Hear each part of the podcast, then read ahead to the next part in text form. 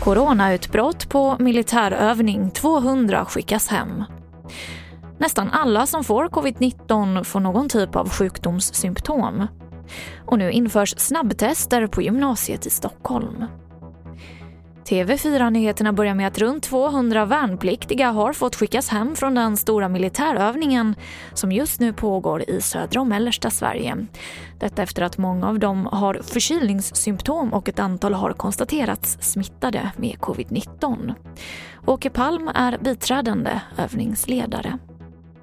Ja, det här går ju helt enligt med vår riskhanteringsplan. Då. Vi har ju inför övningen eh, hanterat alla möjliga scenarion kopplat till covid, hur vi ska hantera en eh, minskad eller begränsad smittspridning inom förbandet.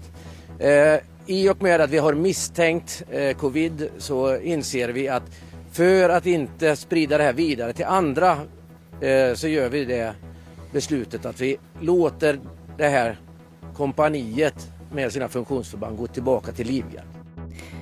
Nästan alla som får covid-19 får någon typ av sjukdomssymptom. Det här visar två nya studier som Folkhälsomyndigheten har gjort. I en av studierna fick 4 800 slumpmässigt utvalda personer testa sig för pågående infektion. Samtliga 42 som testades positivt hade symptom strax före, under eller efter provtagningstillfället. Från och med tisdag införs snabbtester på alla gymnasieskolor i Stockholm. Det här meddelar Liberalerna i Stockholms kommun. Syftet är att öka chansen att snabbt bryta eventuella smittkedjor och därigenom främja närundervisning. Och till sist kan jag berätta att pandemin har skapat ett rekordstort intresse bland hobbyodlare att starta sina egna potatisland. Det här rapporterar SR om.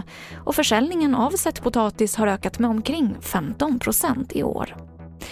Och det var det senaste från TV4 Nyheterna. Jag heter Emily Olsson.